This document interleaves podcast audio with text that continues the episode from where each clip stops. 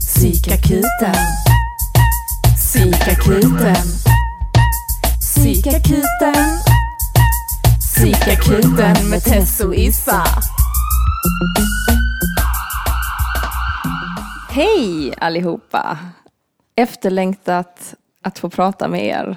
Välkomna till Psykakuten med Tess. och Issa. Alltså vi har inte glömt det. Nej, det är bra. Vi kommer fortfarande ihåg när vi ska säga våra namn. Jag tror vi kör så här ett halvår mellan varje avsnitt. Ja, men det är så livet ser ut. De som gör varje vecka och varannan vecka eller vad de nu hittar på. De har inget liv. Exakt. Det är det. Vi lever livet. Så vi är intressanta på fritiden. Ja. ja, det är ju mycket som har hänt. Jag kommer inte ens ihåg vad vi pratade om sist. Alltså vi pratade väl typ om graviditet. Hade vi inte med Denise förra gången? Jo, det var det fan mig. Och då var jag ju gravid. Jag kommer inte ihåg hur långt gången jag var. Nej men du var, du var gången. Ja, Det var du. 37 kanske, har jag något minne av. ja, ja. Så det var ju, snart skulle du kläckas. Yes. Inte- Ja, det var 27 juli som jag var beräknad. 5% föder på sitt beräknade due date liksom. Och det gjorde jag. Ja, du kommer aldrig vara med i en procenten men du är med i fem procenten. Ska jag bara, nej. nej men ja, fan vad nice. Precis. Du kommer vara med båda två, jag ska bara. I'm special. Yes you are. Uh, your child is the child of uh, special. Ja. Så nu är jag en mamma. Det är du. Hur eh, känns det nu när alla vi runt omkring dig har börjat kalla dig för mamma? oh, du, det är faktiskt vissa som har börjat göra det.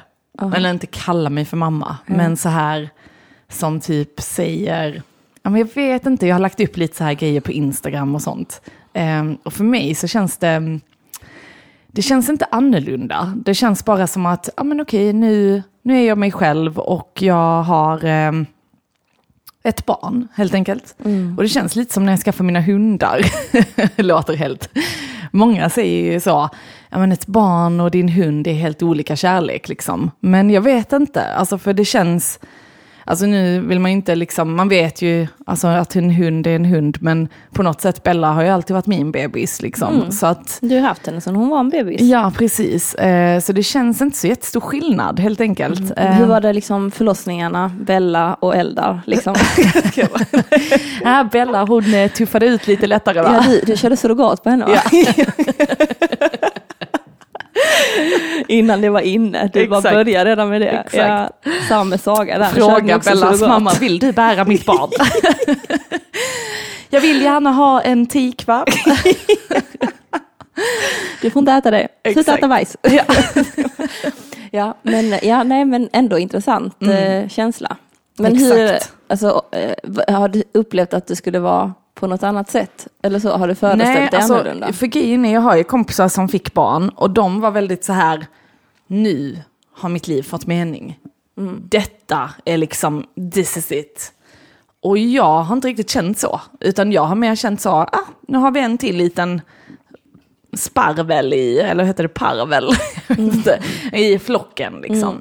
Att det har inte känts som att nu. Ehm, men det har vi ju pratat om att det kanske är för att man redan har känt väldigt mycket mening i sitt liv och då blir det inte så himla stor skillnad. Um, och sen tänker jag också att jag har ju som person alltid varit väldigt eh, lillgammal eh, och vuxen tidigt på grund av liksom, ja, andra omständigheter som har gjort att jag fick växa upp väldigt eh, ungt. Liksom. Och då har jag alltid tagit hand om mina syskon och städat hemmet och ja, men, fixat grejer som kanske en vuxen då ska göra. Och jag har alltid brytt mig om folk väldigt mycket. Och ja, men du vet, jag älskar ju att ge presenter och alltså, är väldigt om, om, omtänksam helt enkelt. Så att för min del har jag aldrig tvivlat på om jag skulle vara en bra förälder. Utan jag har alltid tänkt liksom, ja det är klart jag kommer vara en skitgrym mamma. Det känns liksom redan som jag har varit som bullmamma som står och bakar till alla. Alltså redan innan jag hade barn. Mm, Så nu blir det inga fler bullar? Elda Precis, precis. bullar. Ja. Ja, nej. nej. men det känns ändå, så Ja. därför kanske det är att jag inte känner så stor skillnad. Mm. Medan för andra som kanske har varit, ja men inte så som jag har varit, för dem är det så, oj nu måste jag tillägna all min vakna tid till någon annan. Mm. Medan så har jag redan varit. Ja. men du förstår vad jag menar. Mm, jo, men jag fattar. Mm. Så jag har blivit lite så provocerad när folk så här, jag var det också när jag var gravid, att folk bara, tänk att du är gravid, tänk att du är gravid. Liksom, när man träffar vänner så är det liksom det som är grejen. Så känner jag så, ja jag är gravid men jag är ju fortfarande mig själv. Alltså vi behöver inte sitta här och prata om att jag är gravid. Eh, eh, Absolut att jag gärna får klaga lite för att det var jobbigt liksom. Men inte att jag vill sitta och bara, oh my god, tänk att du är gravid. Du bara, jag bär ett liv. Exakt.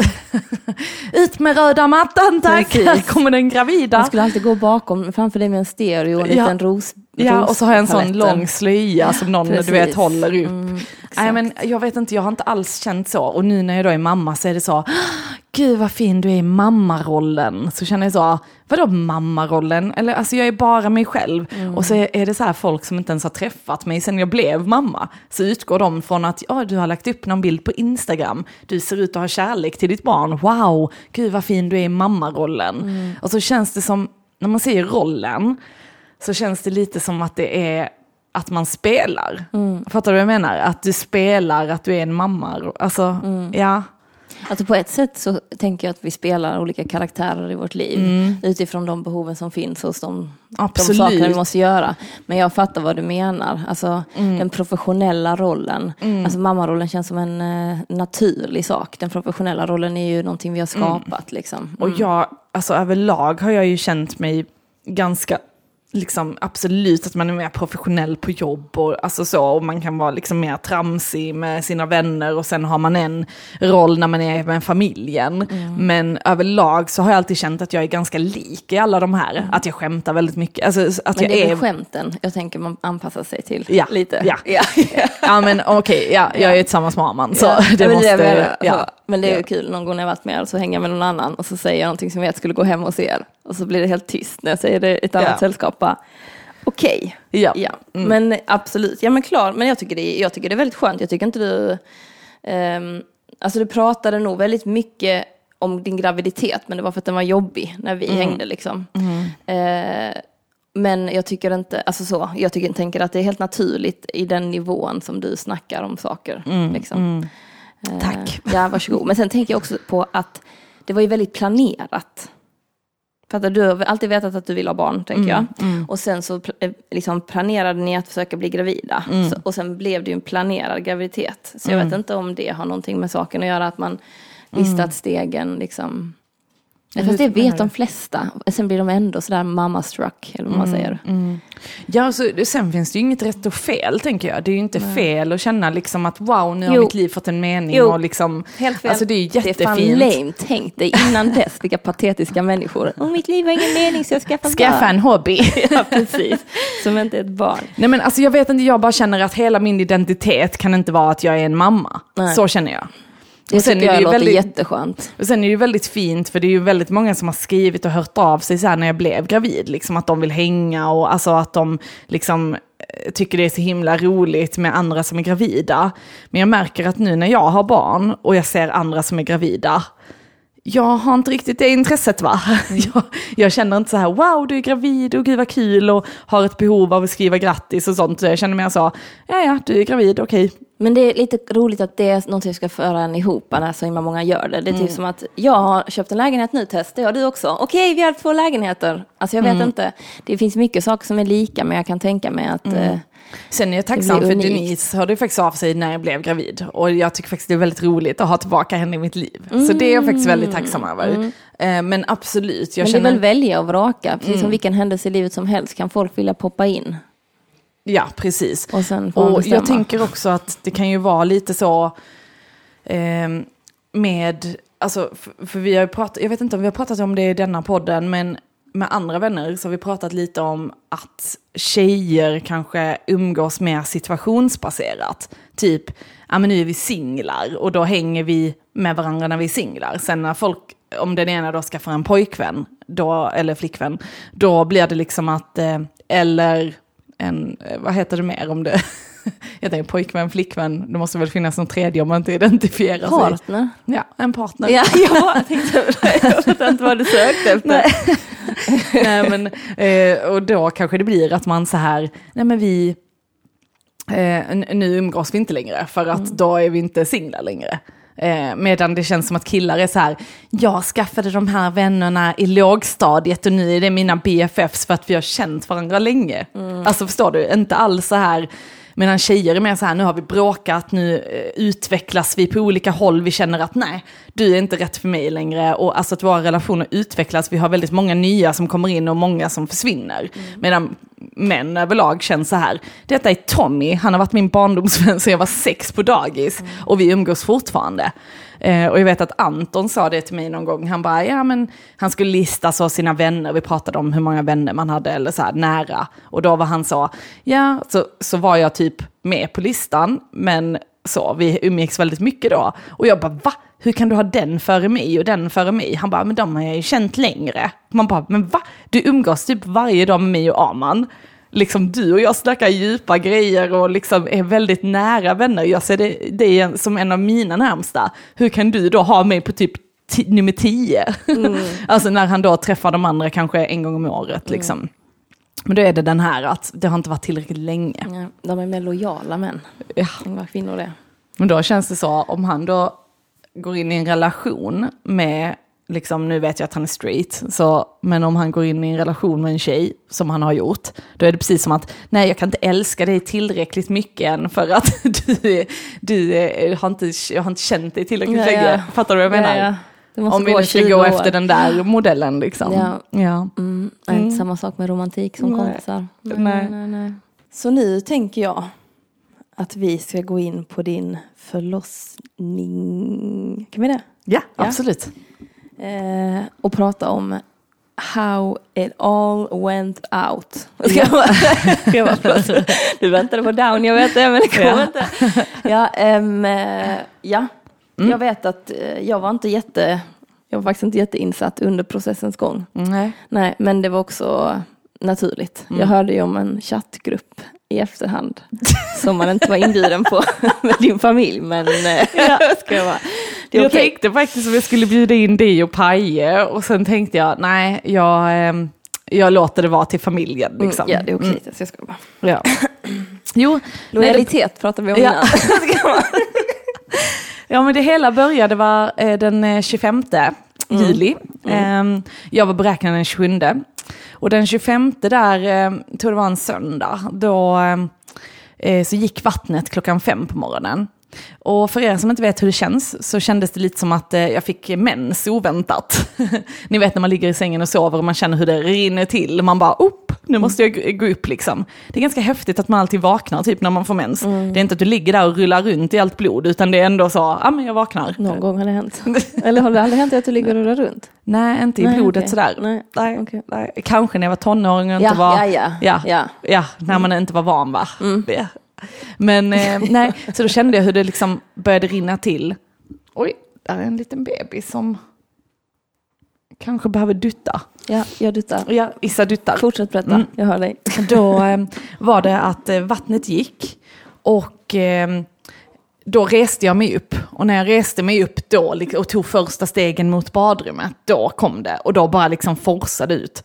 Tydligen är det ganska vanligt att det inte gör det. Så att de ifrågasatte ju väldigt mycket. Liksom så här när man ringde in till förlossningen sen och berättade att vattnet hade gått. Då var det väldigt så, Ja, ja, mm, är det mycket? Hur mycket är det? Åh, du tror att vattnet har gått ja? Man bara, nej, alltså jag tror inte, jag vet att vattnet gick. Och sen när jag kom in eh, fick vi en tid i Ystad, eh, som, där det var jag ville föda. Fick vi en tid klockan ett som vi åkte in på, så detta var klockan fem på natten. Och sen så åkte vi in klockan ett. Och då så säger de också till mig, ja så du tror att ditt vatten har gått ja? Man bara, nej, alltså jag vet om att mitt vatten gick. Jaha, ja, hur är du säker på det då? Jag bara, nej, alltså det forsar ju ut vatten. Alltså det var säkert flera liter liksom. Och hon bara, mm, okej, okej, ja. Och sen så bara skulle hon titta på min binda för att se om det var vatten. Och då sa hon, ja, jo, det är vatten. Sen så, eh, i och med att jag inte hade fått några verkar så blev vi hemskickade igen. Och när vi eh, eh, kom nästa dag på den tiden, då, undersökt, eller då kom jag in och de bara, ja så du tror att ditt vatten har gått ja? Jag bara, nej, alltså jag vet om att det har gått och det sa jag igår också. Och sen var det så här, kunde de inte hitta vem som hade tittat på den där bindan, så de bara, ja, nej vi måste ju se på den där bindan för att se att det är vatten som har gått va? Och jag bara, ja. För då är det så här att när vattnet går så är det inte att vattnet försvinner och eh, att det är helt tomt för bebisen ligger kvar i magen och det kan ta lite tid innan eh, verkarna kommer igång. Så då är det att nytt fostervatten bildas hela tiden. Och då när fostervattnet, så då är det också att det sipprar ut, för det har gått en hål på den här hinsäcken. Så då får man ha en binda som fångar upp det här vattnet hela tiden. Och sen så blev det att jag fick visa bindan igen, men det kändes verkligen som att de så här misstrodde mig, nästan som att man var så här, i rätten för någonting och de bara, mm, vad har du för belägg för det där? Och man bara, okej. Okay. eh, och det är väl tydligen för att det är tydligt van, är väldigt vanligt att det bara kommer pyttelite vatten. Inte att det får det här splashet. Men det fick ju jag. Jag fick en riktigt klassisk förlossning som de visar på tv va? ja. Sen eh, efter det så eh, fick vi åka hem igen. Och då kände vi bara så här, ah, men nu har vi kört fram och tillbaka till Ystad två gånger liksom. Och det var för att vattnet inte hade kommit igång ordentligt. Eh, eller vattnet, verkarna. Och sen så fick jag en tid för igångsättning på tisdagen då, den 27 klockan 9. Eh, och under natten så satte verkarna igång för sig själv. För de har så här som regel att två dygn väntar man innan man sätter igång. Och jag hade läst så himla mycket på internet om att oh, man vill inte bli igångsatt för det blir jättemycket komplikationer av det. Eller det är risk för komplikationer, så jag var lite rädd för det. Men så kom verkarna igång. Eh, och så åkte vi in till Ystad och så eh, fick vi ett rum där. Så vi var i Ystad klockan två på natten. Och då hade vi liksom inte fått sova på typ två dygn redan. Och sen så kommer verkarbetet igång. Så att vi var ganska trötta. Och det gjorde så sjukt ont med verkarna. Och då hade jag liksom oregelbundna verkar, så det var ja, men, fyra i timmen ungefär. Och sen ibland kom det liksom tre stycken verkar på tio minuter. Man brukar säga i regel att man ska inte åka in till förlossningen om inte verkarna är tre på tio minuter. Eh, men i och med att jag var planerad för igångsättningen då på morgonen så kändes det skönt att åka dit för det gjorde så sjukt ont. Så jag kände att jag vågar inte vara hemma för tänk så är något fel. och sen så undersöktes jag eh, av en barnmorska på morgonen klockan nio. Och så var jag öppen tre centimeter och det hade liksom kommit igång, men eh, verkarna var fortfarande inte regelbundna. Och då blev det att eh, hon beslutade att jag skulle sättas eh, eh, igång. Så fick jag två sådana här shottar med något läkemedel som gör att verkarna då ska eh, komma igång ordentligt. Och sen fick jag en morfinspruta för att det gjorde så sjukt ont med verkarna och hon bara nu kan du vila lite men jag kunde inte vila. Alltså det var verkligen verk, verk, verk eh, och knappt någon vila. Um, och så, så eh, undersökte hon mig efter tre timmar och då var det att jag var öppen liksom 4-5 centimeter. Man ska öppna sig 10 innan, man, eh, innan bebisen kan glida ner liksom i kanalen för att sen krystas ut. Och då så sa hon, eh, så då var det så, ja ja okej. Sen så undersöktes jag vid klockan tre igen, tre timmar senare igen. Och då så säger barnmorskan, ja nu är du öppen 5 centimeter. Och jag bara, va? Det var ju för tre timmar sedan, skämtar du? Eh, och då kände jag bara, jag klarar inte detta, jag måste ha epidural, som är ett bedövningsmedel som man sätter i ryggmärgen. Eh, och eh, då säger de, okej okay, men Therese, ska vi inte tappa upp ett bad till dig? För då hade jag ju skrivit ett fint förlossningsbrev att jag inte ville ha smärtstillande och jag skulle bada badkar och ha akupunktur och hit och dit. Eh, och det kunde jag ju fetglömma för det gjorde så sjukt ont. Eh, och när inte ens morfin hjälper, då vet man att det är riktigt illa. Och ehm, då så säger de, okej, okay, okej, okay, vi ringer till eh, narkosläkaren. För då är det tydligen en narkosläkare som jobbar på hela sjukhusområdet som åker runt till de olika avdelningarna. Och jag trodde liksom att barnmorskorna satte epidural. Jag trodde att det kunde komma, nu vill jag ha det så då ger de mig det. Nej, nej, nej, han kunde ju inte komma. Man bara, nej, men alltså hallå, jag kommer dö. Jag måste ha det. Och sen så försökte jag gå på toa eh, och på vägen till toaletten så fick liksom Aman leda mig, jag liksom hängde på honom. Och jag har liksom gått upp ganska mycket i vikt så det är nästan 90 kilo som bara hänger på honom. Han liksom, uh, tur att han är stark säger jag bara. Eh, och sen så får vi stanna typ så här fem gånger på vägen till toaletten för att jag har så mycket verkar. Det är liksom hela tiden. Och så sitter jag på toaletten och försöker kissa men det bara känns sånt jävla tryck liksom. Jag bara oh, man, jag kommer bajsa på mig, jag kommer bajsa på mig. Och han bara så här, ja det är lugnt.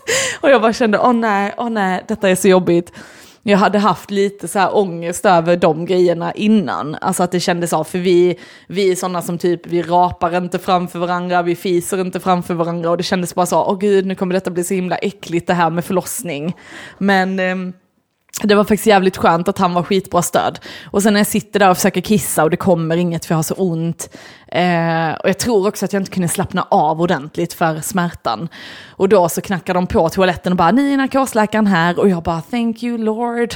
Och så går vi och så eh, ska man då tydligen sitta böjd som en banan och han bara eh, böj dig som en banan, böj dig som en banan. Och ni får tänka att man har den här stora gravidmagen. Det går inte att böja sig när man sitter ner, alltså det är helt omöjligt. Eh, och sen får jag verkar på det, så jag har liksom verk en minut, paus en minut, verk en minut, paus en minut. Och så får jag lustgas för att klinga av eh, verkarna så att jag ska kunna sitta still liksom. För att sticker man fel med den här epiduralen så kan man bli förlamad. Så det är skitviktigt att man gör allt rätt. Åh, lille Plut. Ja, han kanske ska komma upp i famnen. Åh, så. Bara låt han ligga så, han kanske vill somna om. Ja, Issa är jättebra med lille, lille killen här. Nej, och sen eh, så känner jag bara liksom skynda, skynda och sen så sätter han två bedövningssprutor i ryggen. Alltså det har aldrig gjort så ont alltså. Fy fan vad ont det gjorde. Och då börjar jag gråta jättemycket för att det bara brister så här för mig. Så ja, man sitter på ena sidan om mig och barnmorskan på andra och barnmorskan håller liksom lustgasen och bara andas Therese. Eh, och jag bara gråter, gråter och kan inte sluta gråta och han bara så här, narkosläkaren är helt stressad, hans telefon ringer tio gånger på de tio minuterna han är där och alla vill ha liksom bedövning. Eh, så han bara så här, kan du kan hon avsluta sitt bölande så jag kan gå vidare? Och sen så i alla fall så kan han till slut sticka mig. Och så kommer det blod i den jävla slangen som sticker ut. Eh, och han bara, har du blödarsjukan? Och jag bara, jag vet inte, nej det har jag inte liksom.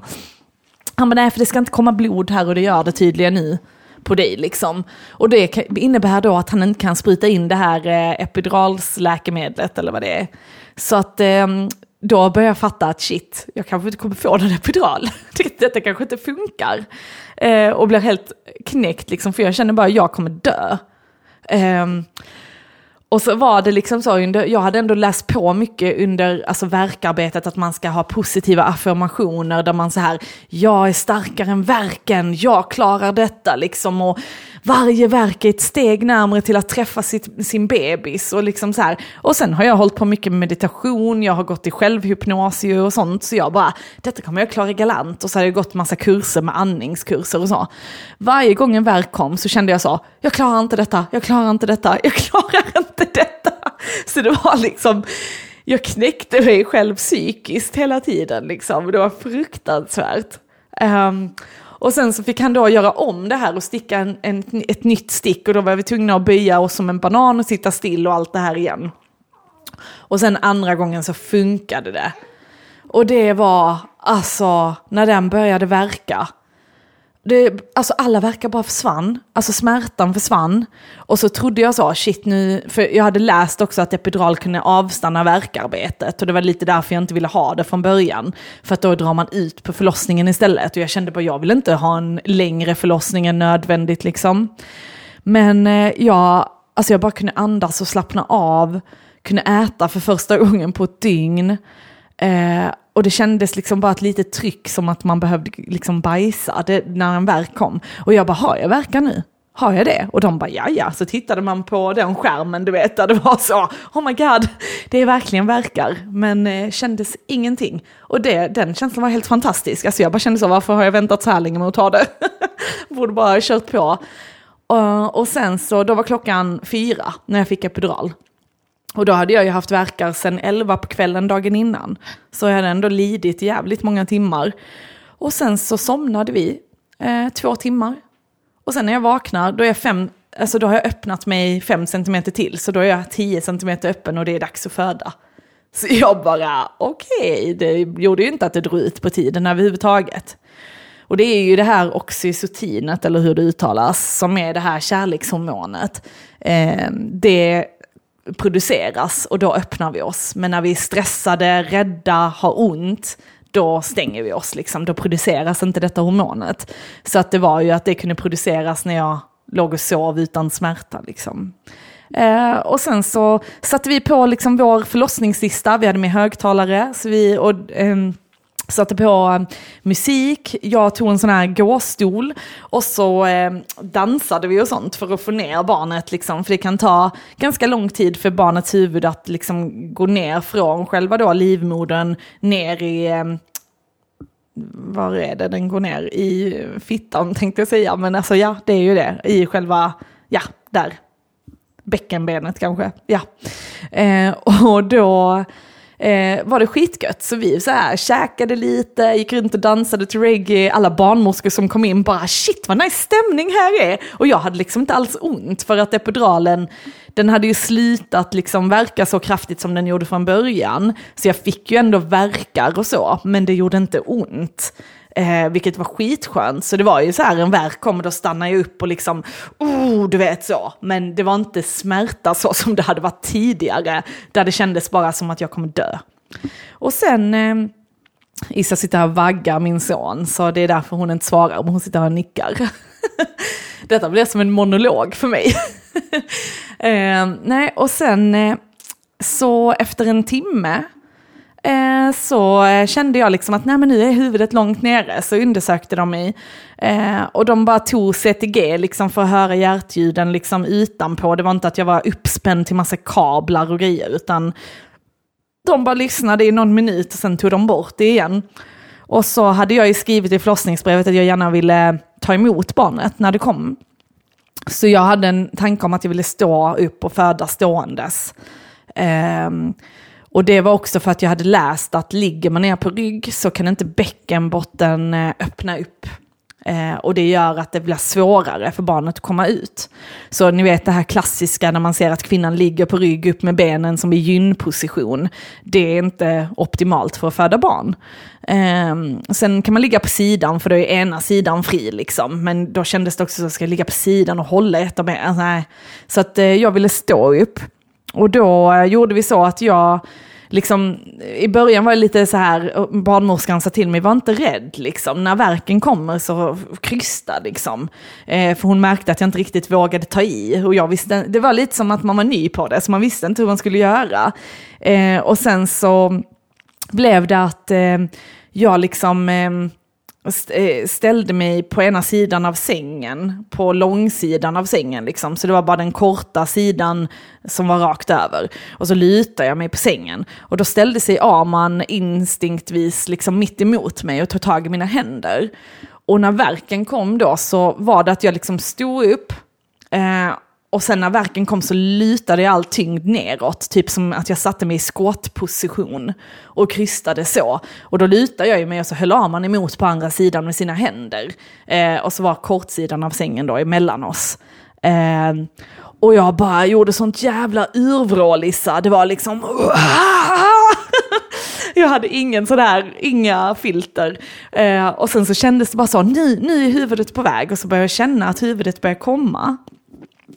Eh, och så tänkte jag så, nu är huvudet ute. Och sen bara kände man, för det är liksom att själva öppningen, då slidöppningen, den blir liksom, du kan inte krysta ut bebisen direkt utan den måste tänjas liksom. Så då är det att den liksom öppnas pyttelite, sen lite mer, lite mer, lite mer, lite mer och till slut kan hela huvudet komma ut liksom. Du, hej, hej, du kallade ju det för någonting. Vadå? Eh, eh, Ja, när hela huvudet känns. ja. Då kallas det ofta ring of fire. Mm. Ja. Eh, och det, då var det liksom när huvudet började titta ut, liksom, att man började så. Och då sa jag också till barnmorskan att nu, nu, och hon bara, jag börjar se lite hår. Jag bara, vadå se lite hår? Jag bara, det känns som hela huvudet är där. Säg att det kändes typ som en citron då liksom. Mm. Men sen inser man ju att det är inte en citron som ska ut, det är en fucking vattenmelon. Så det blev liksom, alltså när, när man kände hur det töjde sig och hur hela huvudet kom, då blev det typ så här, shit, vad stort det är. Och sen så kände jag den ring of fire, hur det brände liksom. Men fortfarande var det inte att det gjorde, alltså det gjorde inte ont ont så som jag gjort innan, utan det var liksom, och sen så var huvudet ute, så han satt fast liksom där vid halsen. Eh, och då så säger de till Arman bara nu får pappa komma och titta. Eh, och Arman går bort och hans min bara wow. och, då, och sen så kom nästa verk och jag bara verk, verk och då måste jag ju ha Arman att hålla i liksom. Och, då, och jag inser att jag står ju och håller i hans händer så jag kommer inte kunna ta emot barnet själv. Eh, så då blir det att jag säger till barnmorskan att du får fånga honom liksom. Eh, och sen så krystade jag ut kroppen där. Så det, det, och det kändes liksom så, typ så kändes det liksom. Var bara, oh, weird liksom. Eh, och sen så tar hon emot honom och så säger hon kom nu Therese, jag, jag ger honom underifrån. Så då, jag står ju liksom och squattar och sen så kommer hon mellan mina ben underifrån och ger mig honom. Och så lägger jag upp honom på bröstet. Och det var, eh, det var skithäftigt, verkligen. Eh, så himla fint moment. Och man hörde hur han bara Wee! Wee! Och det var så himla, det var så konstigt att höra hans röst liksom. Det var mycket ljusare än vad jag hade trott liksom. Eh, och sen så de bara, kom nu kan du, så tog de honom och liksom så här sög ut slem och sånt tror jag. Och så de bara, lägg du dig i sängen Therese. Och så fick jag lägga mig och sen så eh, la de honom på mig. Eh, och så var det lite obehagligt för man kände navelsträngen, han var ju fast i navelsträngen. Hur kändes i fittan? Alltså i fittan kändes det, alltså jag kände ju när jag sprack men det gjorde inte ont. Men jag, hör, jag kände ju typ, jag kände hans hår. Och så kände jag, ni vet när han låg där inne med huvudet så kände jag liksom hur han rörde sig med sina små händer och sånt. Alltså det var ju rakt i liksom, alltså ändå den kanalen typ där man liksom ändå kan få in sina fingrar liksom. Men där när du liksom skulle gå, när du, han är ute och du ska upp i sängen? Ja, det var obehagligt på grund av navelsträngen. Ja, okay. ja för att navelsträngen var liksom, ja men ni vet när trosor, typ stringtrosor glider in mellan blygläpparna och skaver, så kändes det. Så jag var lite så, så när han låg uppe på mig så var jag så, kan Liksom vi, för den sitter ju fast i moderkakan som ska ut sen. Men det kändes som att den var lite tajt eller något för att det liksom var upp. Alltså så det var lite obehagligt. Och sen så när jag eh, fick han ligga där och sen så liksom la de honom närmre bröstet och så. Och sen så började han direkt att sutta liksom på bröstet. Eh, och han var så himla fin liksom. Alltså det var jag var lite rädd så, undrar om jag kommer tycka han är gullig och jag har lite så fobi med bebisar, jag tycker inte att så många är söta och jag tycker liksom, och alla är så, du kommer tycka ditt eget barn är. Och det gjorde man. man tyckte han var så himla fin. Um, trots att han var liksom nyfödd liksom. Um, och sen eh, så var det dags för att få ut moderkakan. Och då skulle man också så här hosta lite. Men alltså jag tyckte det också gjorde ont. För jag hade hört lite att folk beskrev det som att ja, men det enda som gör ont är fram till huvudet kommer ut. Sen gör det inte ont med resten av kroppen. Jag tyckte ändå det gjorde lite ont liksom. Och sen moderkakan, att det känner man inte ens för att du är så öm efter allt det andra. Men jag tyckte det gjorde ganska ont när moderkakan kom och de drog liksom ut den lite så här.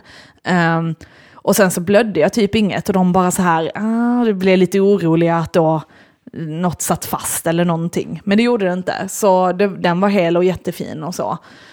Um, och sen så var det så himla fint för vi hade sagt att vi liksom ville ha en sen avnavling. Och sen avnavling i Sverige brukar innebära tre minuter, alltså det gör alla liksom. Eh, och det innebär att navelsträngens näring och från moderkakan och sånt går över så länge som möjligt till barnet. Och vi fick ligga en hel halvtimme med honom innan vi klippte navelsträngen, vilket kändes skitbra. Och sen eh, så fick Arman klippa liksom, eh, och han var skitorolig när vi var hemma. Han bara, hur ser naveln ut? Jag bara, ja, jag kommer skylla på dig resten av livet om du får en ful navel. eh, nej, och sen så blev vi lämnade ensamma där, så vi låg där i tre timmar själva. Och jag blev lite så, ska ingen eh, kolla hur mitt underliv ser ut? Alltså för det var liksom ingen som kollade det eller någonting. Jag bara, hur illa är det? Jag vill veta. Eh, och han bara låg liksom hud mot hud och låg och ammade liksom. Och var helt så tyst. Han var, barnen blev ganska medtagna liksom. Um, och sen så kom de in och undersökte mig. Och då fick de hämta en läkare som skulle undersöka mig. Och sen så blev det att de kunde liksom inte avgöra hur jag hade spruckit eh, ordentligt. Liksom. Så då bestämdes det att jag skulle köras till operationen. Eh, inte för att det var så illa, utan bara för att de har bättre redskap och kan se där. Och då säger de till mig att ja, de har inte tid nu så vi tar det imorgon bitti. Och jag bara va? ska jag ligga helt sönderspräckt hela natten? Alltså jag bara kände så nej, jag vill ha detta avklarat. Alltså jag ville liksom få allt det jobbiga avklarat, eller vad man ska säga. Eh, och sen så fick de en lycka, så då blev jag ivägkörd vid halv ett på natten. Men då kändes det också jätteobehagligt att lämna liksom bebisen och Arman och alltså att man blev nerkörd. Och så kommer man in och man har varit där på förlossningen, alla barnmorskor och alla personal är helt fantastisk och de är så himla snälla. Men i och med att de inte visste om jag skulle opereras eller inte och hur illa, om man behöver sövas och sånt, så fick jag liksom inte äta eller dricka något. Så att jag har liksom kristat ut ett barn, men jag får inte dricka ett glas vatten eller någonting. Så jag var så himla törstig och bara kände så, jag måste, jag måste få ett glas vatten. Och sen så sätter de mig på operationen när man ska göra sådana här uh, sy ihop äh, liksom. Då sätter de en i en säng som är halv och så ligger du upp med dina ben i gynposition. Och sen så bedövar de dig så du är helt förlamad från bröstet och ner. Och det är så sjukt obehaglig känsla. Eh, och sen så börjar jag skaka jättemycket, så jag låg så här och darra liksom. Och det är massa människor överallt och de bara så här, hejsan det är jag som är den här, hejsan det är jag som är det här. Och jag bara okej, okej, okej. Och sen så är det så här, det kändes som jag kom till ett rymdskepp, det är så här skitljus, det är massa maskiner, det är liksom high tech. Och sen så är det en kvinna som sitter och bara, ja, jag ska övervaka dig. Jag bara okej. Okay. Och så ligger jag så, uh, skakar tänder och bara darrar, darrar, darrar. Eh, och hon bara så här, oj vad du darrar. Man bara, ja, du kan ju kanske lugna mig på något sätt eller liksom så. Så till slut får jag be henne typ så här, jag bara kan du massera i min nacke? För jag hade spänt mig så mycket så jag bara kände att jag kan inte slappna av. Eh, och då var hon lite så här stött av det typ och jag bara kände så, gud vilken kall människa. Alltså från att ha varit på förlossningen där de verkligen är omtänksamma och de håller om dig och du vet, alltså verkligen stöttar en. Så det var lite traumatiserande. Och sen efter det så gick det bra, det var bara en grad 2-sprickning så det var liksom inte, jag tror det finns fyra eller fem grader. Så det var inte så illa liksom. Eh, men det var, och det känns skönt att de också sydde på operationen så att man vet att det verkligen blir bra. Det är riktiga kirurger som gör det istället för en barnmorska liksom. Inte för att jag tror att de gör ett dåligt jobb men ja, du fattar. Eller? Jag ska bara. Ja. Nej, och sen så rullade de upp, så fick jag så, eh, vila till att bli av med den här bedövningen i kroppen. Så jag låg ju bara och tittade på klockan och de bara, nu kan du ju sova en stund. Och man bara kände så, ah, kunde Men var knappt du sova. med Arman och Elda då? Nej, När du var på uppvaket? uppvaket Ja. själv. Mm, med två stycken som övervakade mig. Och eh, sen så, eh, de var ju över mig då i en säng. Men man kunde liksom inte ligga på sidan, eller alltså du kunde liksom inte ligga, för din kropp är förlamad. Så liksom, det är så sjukt weird känsla. Ehm, och sen så efter någon timme, så det blev totalt tre och en halv timme som jag var ifrån dem, liksom, med operation och uppvak. Ehm, och sen rullades jag till BB och där låg Arman och eh, min son hette då Eldar. Och lille Eldar låg och sov på Armans bröst. Det var så himla fint att se. För jag var helt så orolig bara, tänk så behöver han mat och jag ville inte att man skulle mata med ersättning. För ibland behöver de göra det, liksom att de behöver tillmata. Eh, och, och då eh, brukar de ta ersättning. Och jag ville ha bröstmjölk för jag ville inte liksom att barnet eh, ska vänja sig vid något annat eller förstöra amningen eller så. Och det var jag också orolig över just med anknytningen, att det är jätteviktigt att barnet får det här hud mot hud och ligga på mamman i början. Och ibland går ju inte det om du föder kejsarsnitt och behöver alltså, opereras eller alltså, akut eller något händer liksom. Men vi fick ju ändå de timmarna där i början. Och sen eh, Sen eh, dagen efter så vaknade man ju upp och fy fan vad ont det gjorde i underlivet. Alltså det var helt sjukt. Ja, så man, jag hade lite isbindor och ja, och så var vi tre, två dygn eller nej, tre dygn på BB tror jag. Mm. Och eh, tiden går så himla fort alltså. Det bara bam, bam. Men det var skitnice. De liksom var så himla professionella och bra. Och där får man laga, du vet du får frukost, lunch, middag, fika. Och alltså det är väldigt så här. Och så är du på det rummet i Du tre bara, kan vi dygn. stanna här under Ja. hela min föräldraledighet? Exakt. Och vi bara, hur ska man klara sig där hemma? Nej, och sen så åkte vi hem och ehm, ja, och hundarna fick hälsa på honom och det gick jättebra. De är helt förälskade i honom. Ehm, och sen nu så är han eh, sju veckor idag. Ja. Så ah, det känns så himla fantastiskt allting. Eh, Han är väldigt needy. Jag ska bara ja, det är han. Det är han. Han är en bebis. Ja, Nej, han är jättefin. Jag sitter här och håller i honom. ja han Och, ligger och eh, sover i din famn. Rör mig hela tiden. Han, Ja. är, han har världens bästa sensor för om jag stannar upp en sekund så börjar han röra på sig. Mm. Så antingen måste jag röra på mig eller så rör han på sig. Men det är jättemysigt. Han Ja. är jättevacker. Alltså han är så himla Bra fin. jobbat Tess. Ni får in på art by björk om ni vill, eh, på Instagram om ni vill se honom. Nej, Saga! Nu börjar de andra barnen Ja. bråka. Alltså. Böka inte barn. Nej men jag tycker det låter väldigt, väldigt fint. Jag tycker också det är roligt det där som du beskrev att man hade föreställning om att du skulle göra akupunktur och bada och att du skulle kunna genom dina affirmationer klara utan epidural och allt som håller till liksom. Ja, du alltså- beskrev ju också för mig hur liksom Arman förklarar att du blev, att du liksom, du kom tillbaka till dig själv när epiduralen slog till. Att Ja. du nästan var i någon slags eh, tillst, alltså smärttillstånd som var så o- att man kunde kommunicera med dig. Exakt, och han bara, jag har aldrig sett dig så. Alltså jag har aldrig sett dig må så dåligt liksom. Och den skillnaden när epiduralen började verka var som liksom schizofreni deluxe. Nej, så det... Jag är faktiskt väldigt tacksam över att det blev en så fin förlossning, för jag var jag har inte pratat om det tidigare i podden, liksom, men jag var väldigt rädd för att föda. Alltså jag var rädd för att dö. Ehm, och den rädslan har jag fått, alltså haft hela tiden. Och det är inte så vanligt att man har det, utan många är mer rädda för smärtan. Liksom. Så böcker som handlar om förlossningsrädsla och så, handlar om rädslan för smärta. Men jag var liksom skiträdd att något skulle hända Eldar eller mig. Ehm, och det gjorde liksom att det blev en sån ångest över det. Så att när det var över så kändes det bara så, shit jag klarade det. Det blev inga komplikationer. Alltså jag var liksom stensäker på att det skulle bli liksom kejsarsnitt eller alltså att det skulle bli massa komplikationer och sånt. Och det var liksom, det var ingen sugklocka, inget kejsarsnitt, inget, alltså där stod jag med bara en barnmorska och pressade ut alltså honom ståendes. Alltså det, ja, det kändes så himla Mäktigt. fint att det blev, eh, ja verkligen. Coolt. Tess. Och det var verkligen alltså när epiduralen kickade in och det var dags att, alltså det, jag är faktiskt väldigt tacksam över att vi fick den fina stunden liksom med musiken och att det var liksom vi stod och skämtade och eh, bara en halvtimme innan jag födde så tog vi en selfie, jag och Arman liksom och bara så här, alltså att det, det bara kändes som att det, det blev en så himla cool upplevelse tack vare den, faktiskt. Så ehm, Ja, det stämmer inte alltid att det tar längre tid när man får epidural. Och barnmorskan var så, hon var nyexaminerad, så hon hade bara jobbat i sex veckor.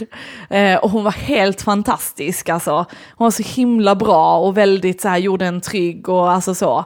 Så att, eh, nej, fan vad grym hon var. Ehm, så det var, det var jättefint verkligen liksom. Och sen nu har ju, alltså de här veckorna har gått så himla fort. Det känns ju verkligen som man är i en bubbla liksom. Där all ens tid går åt honom liksom. Och man stressar med allt. När jag äter så liksom hovar jag i mig maten för att det är så, shit han kan behöva mig. Jag var här och lagade mat eh, häromdagen och Mm. då så hade jag eh, eldar medan du åt. Och du åt så jävla fort så jag var tvungen att säga till dig att du kunde ta din tid. Jag har aldrig sett dig äta så fort. Det var typ som att, alltså på något sätt som att du inte hade ätit på månader för att jag hade hittat dig i en grotta. Men det är ju för att man är väl intränad med det att man måste göra det fort. Ja men det är också typ att, alltså också att det finns inte möjlighet alltid. Så det är verkligen att man kastar i sig likadant. Alltså jag kan sitta här och säga det så. Jag behöver kissa, jag behöver dricka och jag är hungrig. Och jag måste hela tiden be Arman om att hjälpa mig med grejer. Så här, Arman kan du ta fjärrkontrollen, kan du ta min mobil, kan du ta detta? Ehm, och det blir ju lite svårt för att han jobbar ju hemifrån. Ehm, så då blir det också att jag vänjer mig vid att han är här, så jag kan ju sätta mig ner och bara vara där för Eldar direkt. Utan att förbereda någonting och sen kan jag be honom hämta. Men jag måste ju öva på att så här, nu förbered, där ligger detta, där ligger detta, där ligger detta. Så att jag inte är beroende av honom. För man känner sig så sjukt jobbig också när man ska behöva Alltså jag vet ju att jag sitter och ammar och tar hand om barnet liksom. Ja, amningen måste vi också gå in på. Fy fan vad ont det gör. nu gör det säger du aldrig Nu, någonting. nej, nu är det över. Men fyra veckor, herregud. Och sen så även, jag kissade ju i duschen i fyra veckor. Just det, det var kul när du bara, ska bara gå och kissa så hade man duschen. Ja. Det var inte kul men. Nej. Det bästa var ju också roligt med det där med hålet. Vadå? Ja, Att ett hål. Det är jättekul. Jag pratade med någon som hade fött om det. De bara, ja såklart. Jag bara, men vadå såklart? ja, ingen visste. Alltså okej, Jag kan jag ska fatta rent geografiskt, höll jag att säga. Kan jag ja. förstå det? Men Jag ska berätta. Eh, efter du har fött barn ju, så har de ju sytt ihop dig och så, absolut. Men ditt eh, ingångshål är ju uttänt.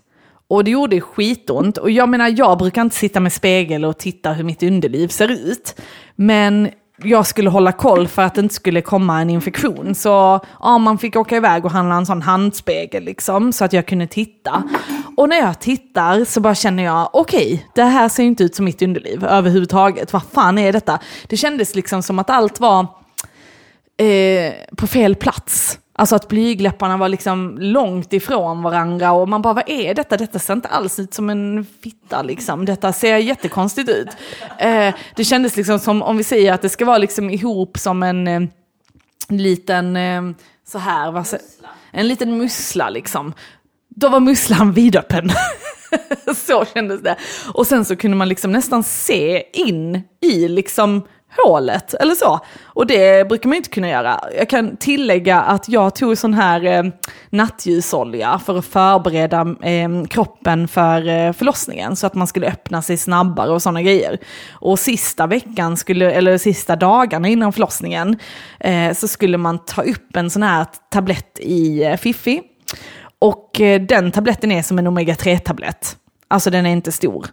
Eh, det som hände när jag skulle präga upp en sån tablett var att den fastnade.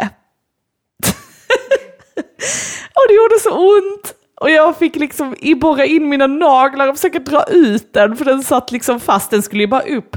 Men jag hade så torra slemhinnor. Och det började blöda när jag drog ut den. Och då kan ni ju tänka hur tajt man var om en liten, liten omega-3-tablett fastnar i fittan till att se det här stora, stora musslan som är vidöppen. Och jag blev skitnojig att liksom, och det är väl därför de säger att du ska göra knipövningar så att det här drar åt sig igen. För det var ju ingen som har sagt detta och jag har fortfarande inte varit på återbesök. Så jag har nu på torsdag, ska jag på, eh, fredag, ska jag på återbesök hos barnmorskan som ska titta hur mitt underliv ser ut. Men det är ändå liksom sju veckor sedan, ingen har tittat på mig, jag vet inte om det är som det ska. ska du ta ut stingen? Eller ska de, Nej, de försvinna har försvunnit själva? av sig själv. Så, nu, Så de är nog borta coolt. nu. Så det jag känner nu är typ att det är tillbaka, men att eh, det lite så här flytningar och sånt, alltså det lite luktar fortfarande som när man har mens, alltså Mm. lite järn, alltså lite så. Eh, Men det är genomskinligt och alltså allt sånt. Eh, Det kom också ut så här, man säger att man kan blöda som mens liksom. Och jag vet inte om detta är för att jag har haft blodbrist eller järnbrist och sånt, men alltså jag fick liksom knappt något blod, utan för mig kom det ut bitar. Och det är den här väggen där moderkakan har suttit fast, där är ju ett blödande sår. Men det, så varje gång jag duschade så kom det ut så blodklumpar. Man bara, oj, ja. Och jag bara, ah, man tittar på den här klumpen. ja. Så jag kan säga så här, liksom, graviditeten för en definitivt närmare sin partner, verkligen. Liksom. Men förlossningen, ja, det finns, nu vet vi att det är VIP. Ja, precis. Du verkligen. släpp mig skita på mig. Nu Ja. kan du se allt. Och det är så fint, det känns lite, ja, Arman sa det, han bara, det känns lite som att man har en sån destruktiv relation liksom. Eh, då med bebisen för att ehm, han eh, bara tar och tar och tar och är väldigt krävande ju liksom, man måste vara där hela tiden. Sen ger han ett litet leende och man bara, ah, jag stannar, okej då. Smälter. Mm. Så här. Vad är det bästa då? Med att Ella har kommit hit? Vad är det bästa? Jag vet inte. Är det skönt att sluta vara gravid? Ja, Ja. så skönt. ja. Alltså verkligen. Jag hörde att folk var så här, oh man saknar sparkarna och sånt. Alltså jag saknar inte alls det. Inte alls. Det som var obehagligt efter förlossningen, det var ju, alltså att muskulaturen, alltså när jag kände på min rygg så är det liksom inga muskler där typ, alltså det känns som gelé alltihopa liksom. Ehm, och jag fick väldigt ont i ryggen och alltså musklerna har ju använts på ett helt annat sätt under graviditeten. Eh, och sen när man ammar så drar eh, livmodern ihop sig liksom. Vilket också är skitcoolt men det gör också ont liksom. Så då kan det komma när han sög eh, efter mjölk så kan det komma blod liksom för att då drar den ihop sig liksom. Eh, och sen, ja, det bästa, alltså det är ju fantastiskt bara. Alltså han är ju helt fantastisk. Man, man är helt störtförälskad, det är verkligen en förälskelse. Eh, och sen så kan man också känna, sömnbristen är ju fruktansvärd, det är nog det värsta. Och jag har ju problem med lederna och så sen innan, så att för mig är det lite så här att jag har eh, ont i lederna nu när jag inte får sova. Och vi ber väldigt mycket om hjälp, för det ska man göra. Så att min mamma kommer hit mycket och hjälper, du kommer hit och går ut med hundarna, lagar mat och alltså så. Och det är helt fantastiskt. Ja. Alltså att man får hjälp av folk. Jag tror det är jättebra att våga fråga också. Att Ja. man inte bara så, nej men det här ska jag klara själv. Ja.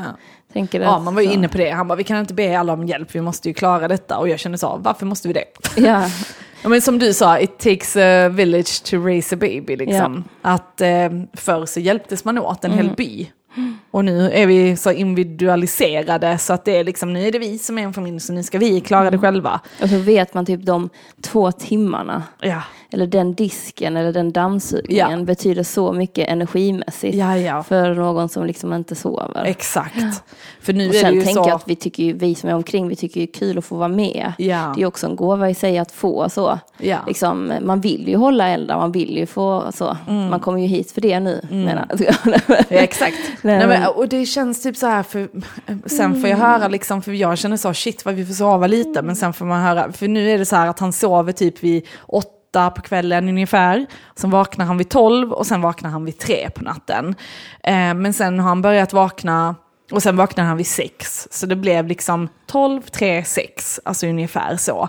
Men nu har han väldigt ont i magen och då vaknar han liksom 3, sen vaknar han 4, 5, 6, 7. Så det blir typ, eh, inte exakt de klockslagen, men det blir ungefär en timme mellan varje liksom. Och det gör ju att man är så jäkla trött. Men sen har jag vänner som har fått amma var 40 minut dygnet runt. De har inte kunnat lägga ifrån sig barnet i ett babynest eller någonting. Så att eh, när jag lägger upp bilder på att han har somnat i sin babysitter eller han sover i vagnen eller han sover i babynästet då är det folk som kommenterar, gud vad skönt att du kan lägga ner honom. Gud vad skönt att du får tre timmar sömn. Alltså, så att man ska verkligen vara tacksam. Och sen är det ju så, jag vet ju inget annat. Detta är ju det enda jag har att jämföra med. Men ja, Jag jag tror fortfarande inte din hela åtta timmars sömn. Eh, nej, och jag var ju väldigt beroende av att sova liksom nio timmar typ. För att mina, min kropp och mina ledvärk inte skulle ta över liksom. Så att eh, ja, det är ju på nätterna så får Arman gå upp och bära honom till skötbordet och så får jag vakna till liksom. Och sen så sätter jag mig och ammar.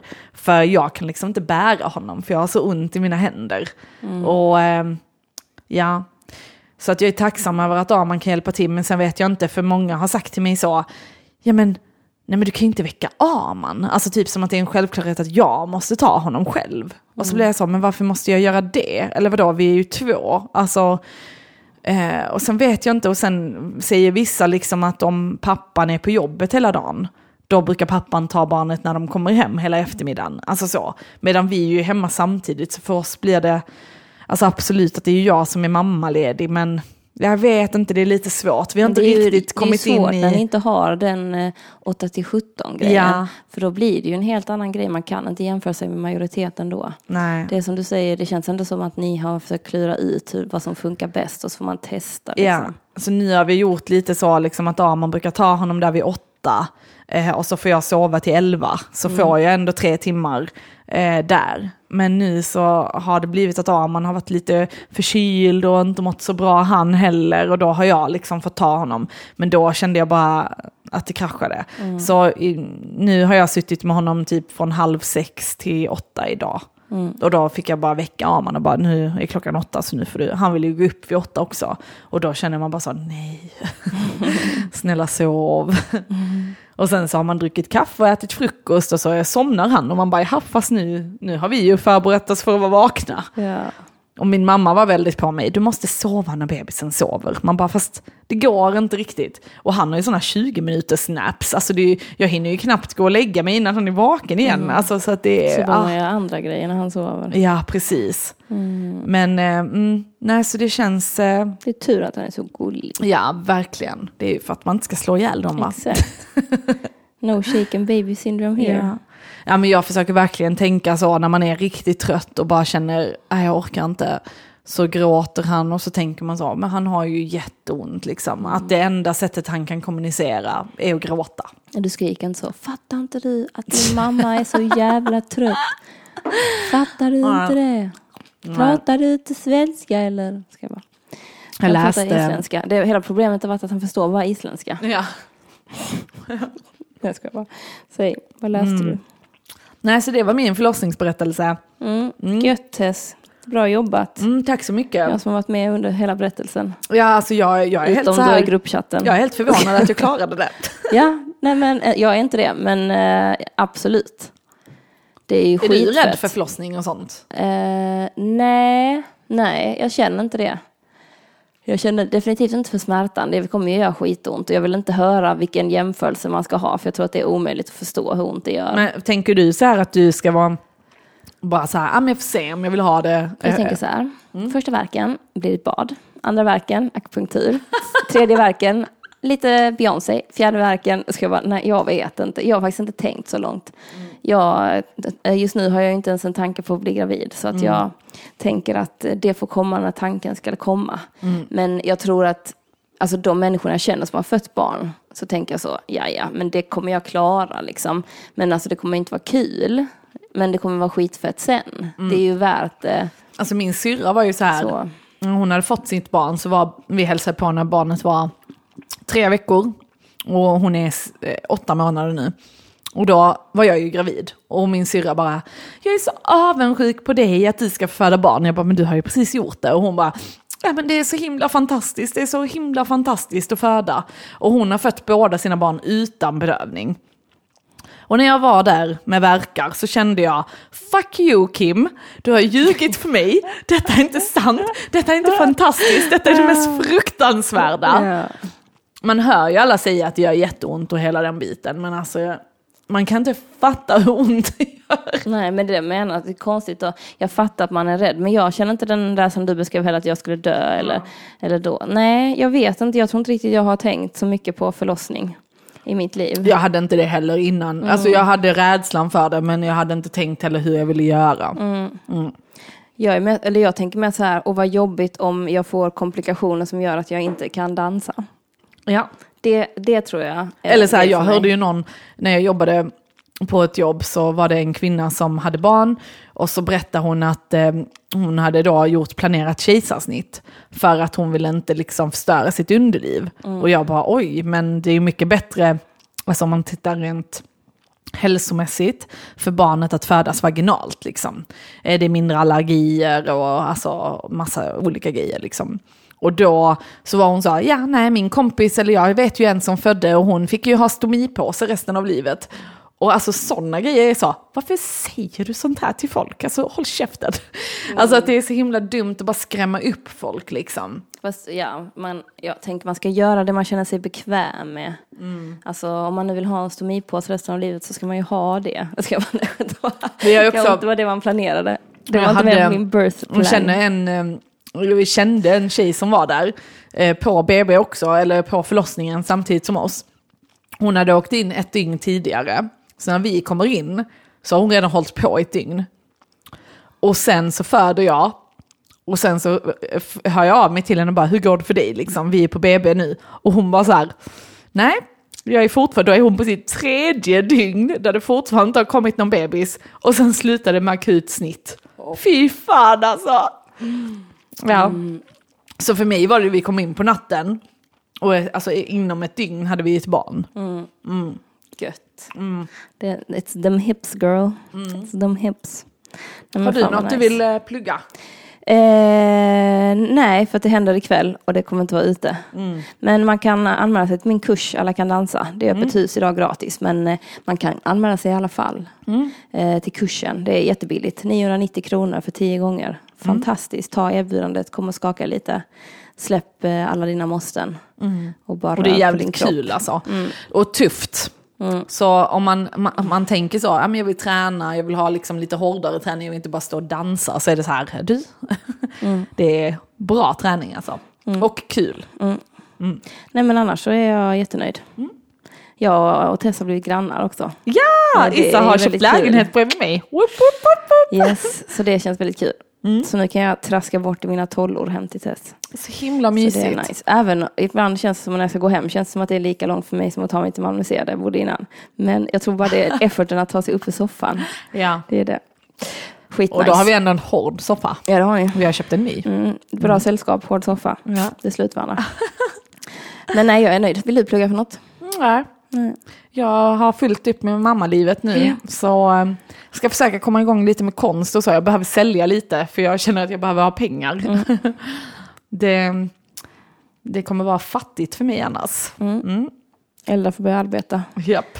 Ja, men vi kan vänta tills han är i alla fall i 12 veckor. Ja. Ja. det låter bra. Vi säger det. 12 veckor. Kan vara som en gammal gubbe som bara, Ja, jag började arbeta han när jag var på- 12 veckor gammal. Han ska inte tro att han kan glida på en räkmacka här. Livet är inte enkelt. Nej, det är det fan inte. Alltså, verkligheten måste slå honom så snart som möjligt. Mm. Ja, nej, fan vad härligt. Men det var fint Tess. Tack för att du ville dela med dig. Ja, tack för att jag fick dela med mig och Mm. hoppas att ni inte blir alltför avskräckta, ni som planerar att föda barn. Mm. Det är jobbigt, men det är värt det. Alla ni som är gravida, ring till 1177 och fråga vad du kan göra bort. Ska jag, jag kan inte vara, jag ska vara. Every, joy, every baby is a joy. If, eh, if you don't feel that way then don't have it. Ja. Okay, thank you very much for today. Hej. Puss hej.